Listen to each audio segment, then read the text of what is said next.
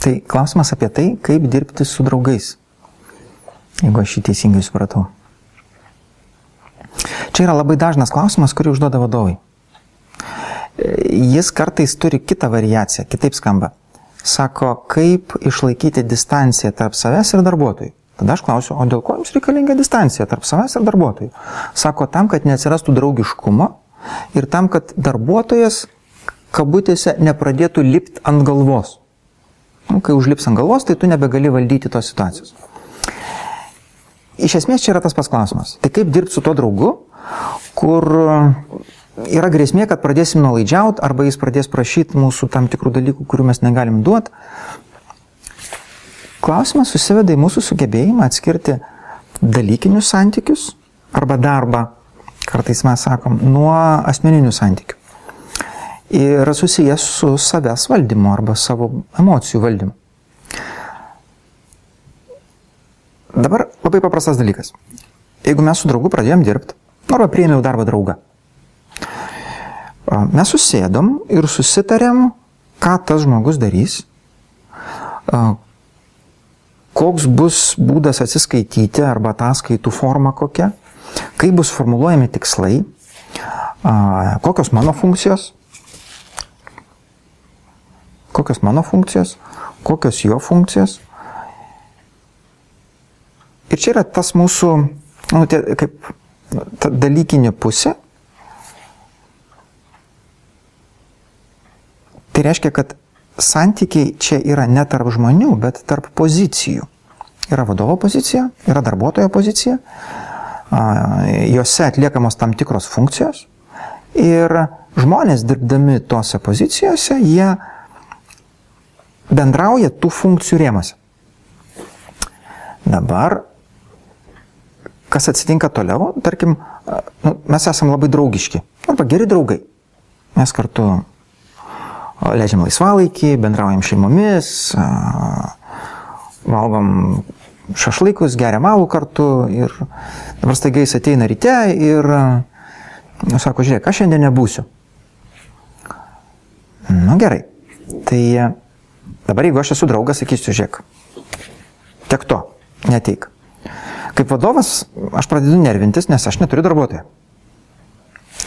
E, ir čia kaip vadovas aš turėčiau kalbėti su to žmogum, kaip su darbuotoju ir tada išdėstyti tą mūsų susitarimą, kurį mes prieš tai turėjom. Tai reiškia, mes susėdom, sutarėm, kokios yra funkcijos, kaip jos turėtų būti atliekamos. Ir mes galim būti pakankamai tvirti toje savo nu, darbinėje veikloje ir toj pozicijai. Mes galim būti draugiški, bet mes labai draugiškai ir labai tvirtai galime sakyti, kad kadangi reikalinga atlikti tam tikras užduotis ir tam tikrą darbą, tai aš negaliu tavęs išleisti. Norėčiau, nes tu esi mano draugas, bet negaliu to padaryti. Aišku, yra kita daina, Kitas klausimas, kodėl jam to reikia? Galbūt tikrai svarbus dalykai, nu, tai tada organizuokim, kaip čia įmoniai sutvarkyti procesus, kad tuo pačiu žmogus galėtų uh, tą dieną praleisti kažkur kitur, nes jam labai svarbu dėl ko nors. Žinau, egzaminą išlaikyti ar į ligoninę pas ką nors nuvažiuoti.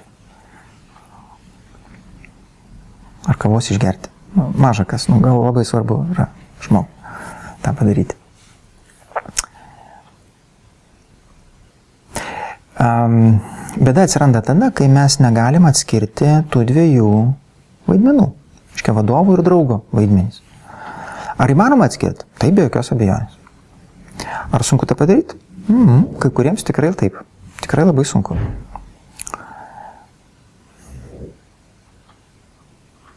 Ir iš kitos pusės, tai bendra tendencija, kuo mes esam draugiškesni komandai, mums lengviau dirbti dirbt kartu.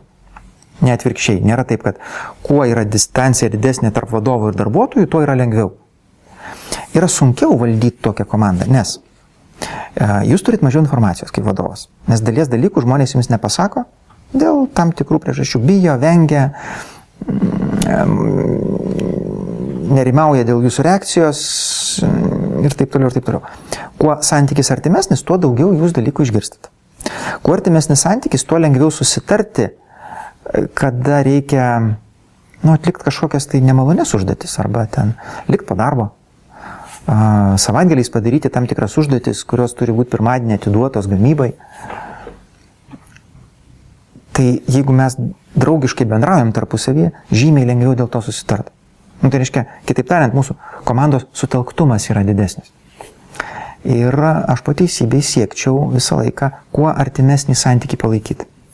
Iš vienos pusės. Iš kitos pusės aiškiai kalbėti ir tarti su darbuotojais, kokie tie mūsų dalykiniai santykiai arba kaip mes tarp, kaip funkcijos bendraujam tarpusavį. Vienas darbuotojas pasakojo situaciją, kaip šventė vis kolektyvė grupė žmonių kartu su vadovu kažkokią progą, neprisimenu kokia ta proga buvo, bet vakarėlis užsitęsė iki ketvirtos valandos ryto, tai yra vidury savaitės, ne savaitgalis.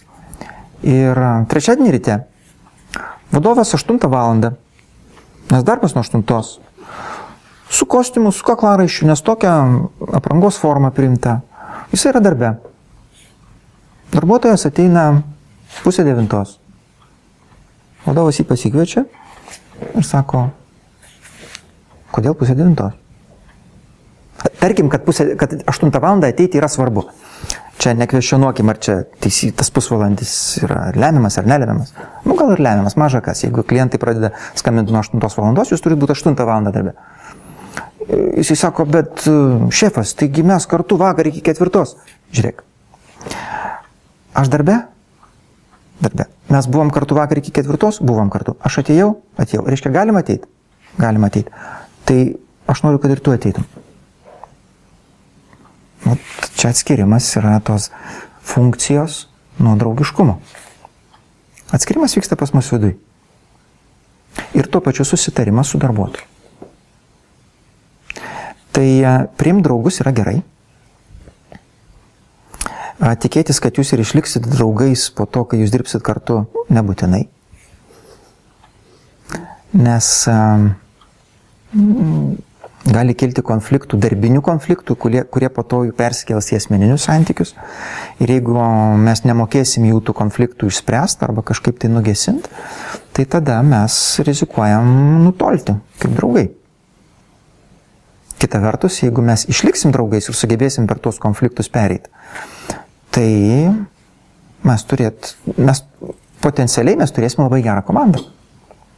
Nes gerų draugų komanda visada padaro daugiau negu kad blogų draugų komanda. Bet tas darbas kartu, čia, nu žiūrėkit, taip pat kaip šeima. Nu, kol negyvena žmonės kartu, jie susitikinėja, yra tik tai dalis gyvenimo. Paskui, kai jie pradeda gyventi kartu, atsiranda darbo, darbiniai santykiai. Tai reiškia, reikia atlikti tam tikrus ūkinius darbus, pavyzdžiui um, atsiranda kažkokia praktinė veikla, kurioje mes vėlgi nu, turim pasidalinti funkcijom kažkaip ir atlikti jas drauge. Tai niekas nekvešionuoja, ar man reikėtų vesti arba tekėti už artimo žmogaus. Kažkaip tokio klausimo nekyla. O vat, kai priimti darbą, tai jau tada kyla klausimas, o taip lauk, tai ar čia draugą priimti darbą ar ne? Nu tai klausykit, tai mėgskit santokas su nepažįstamais žmonėmis laikykit distanciją ir jūs turėsit laimingą šeimą. Ir čia ne humoras, iš tikrųjų taip. Skirybų nebus. Skirybų nebus, nes nėra dėl ko skirtis jums. Jūs turit praktinius dalykinius santykius, du žmonės kartu vykdo verslą, jie būtų patenkinti, atstumas tarp jų yra didelis. Nu, šeimos modelis. Aš nesakau, kad jis pats geriausias, bet jis gali toks būti. Bet dažniausiai žmonės nori turėti artimą santykį, jie nori kartu gyventi, bet žiūrėkit, taigi mes kartu ir dirbti turėsim. Nu, nes bendras gyvenimas tai yra bendras darbas, darimas bendrai dalykų, namo remontavimas, kelionės.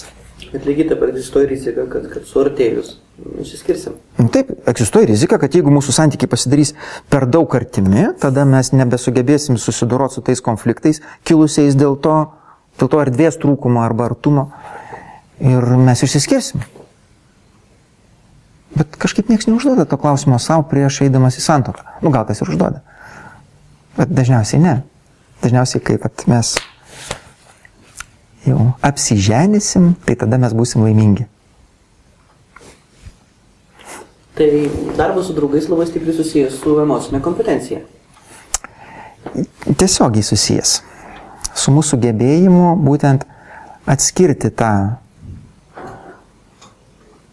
asmeninį santykį nuo funkcijos.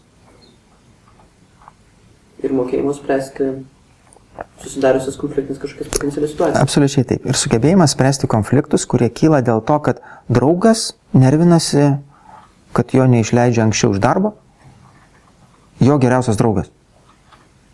Kas čia dabar? Taigi, mes draugai, tai dėl ko tu negali to padaryti? Vienas iš atsakymų yra labai paprastas. Na, žiūrėk, dabar tu esi mano draugas.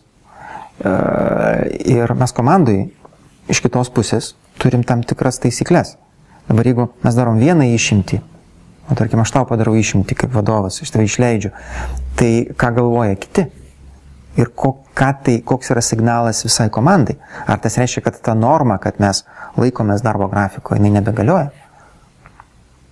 Arba kad laikomės susitarimo, laikomės pažadų, laikomės, kad sutarėm padaryti darbą, tai padarom.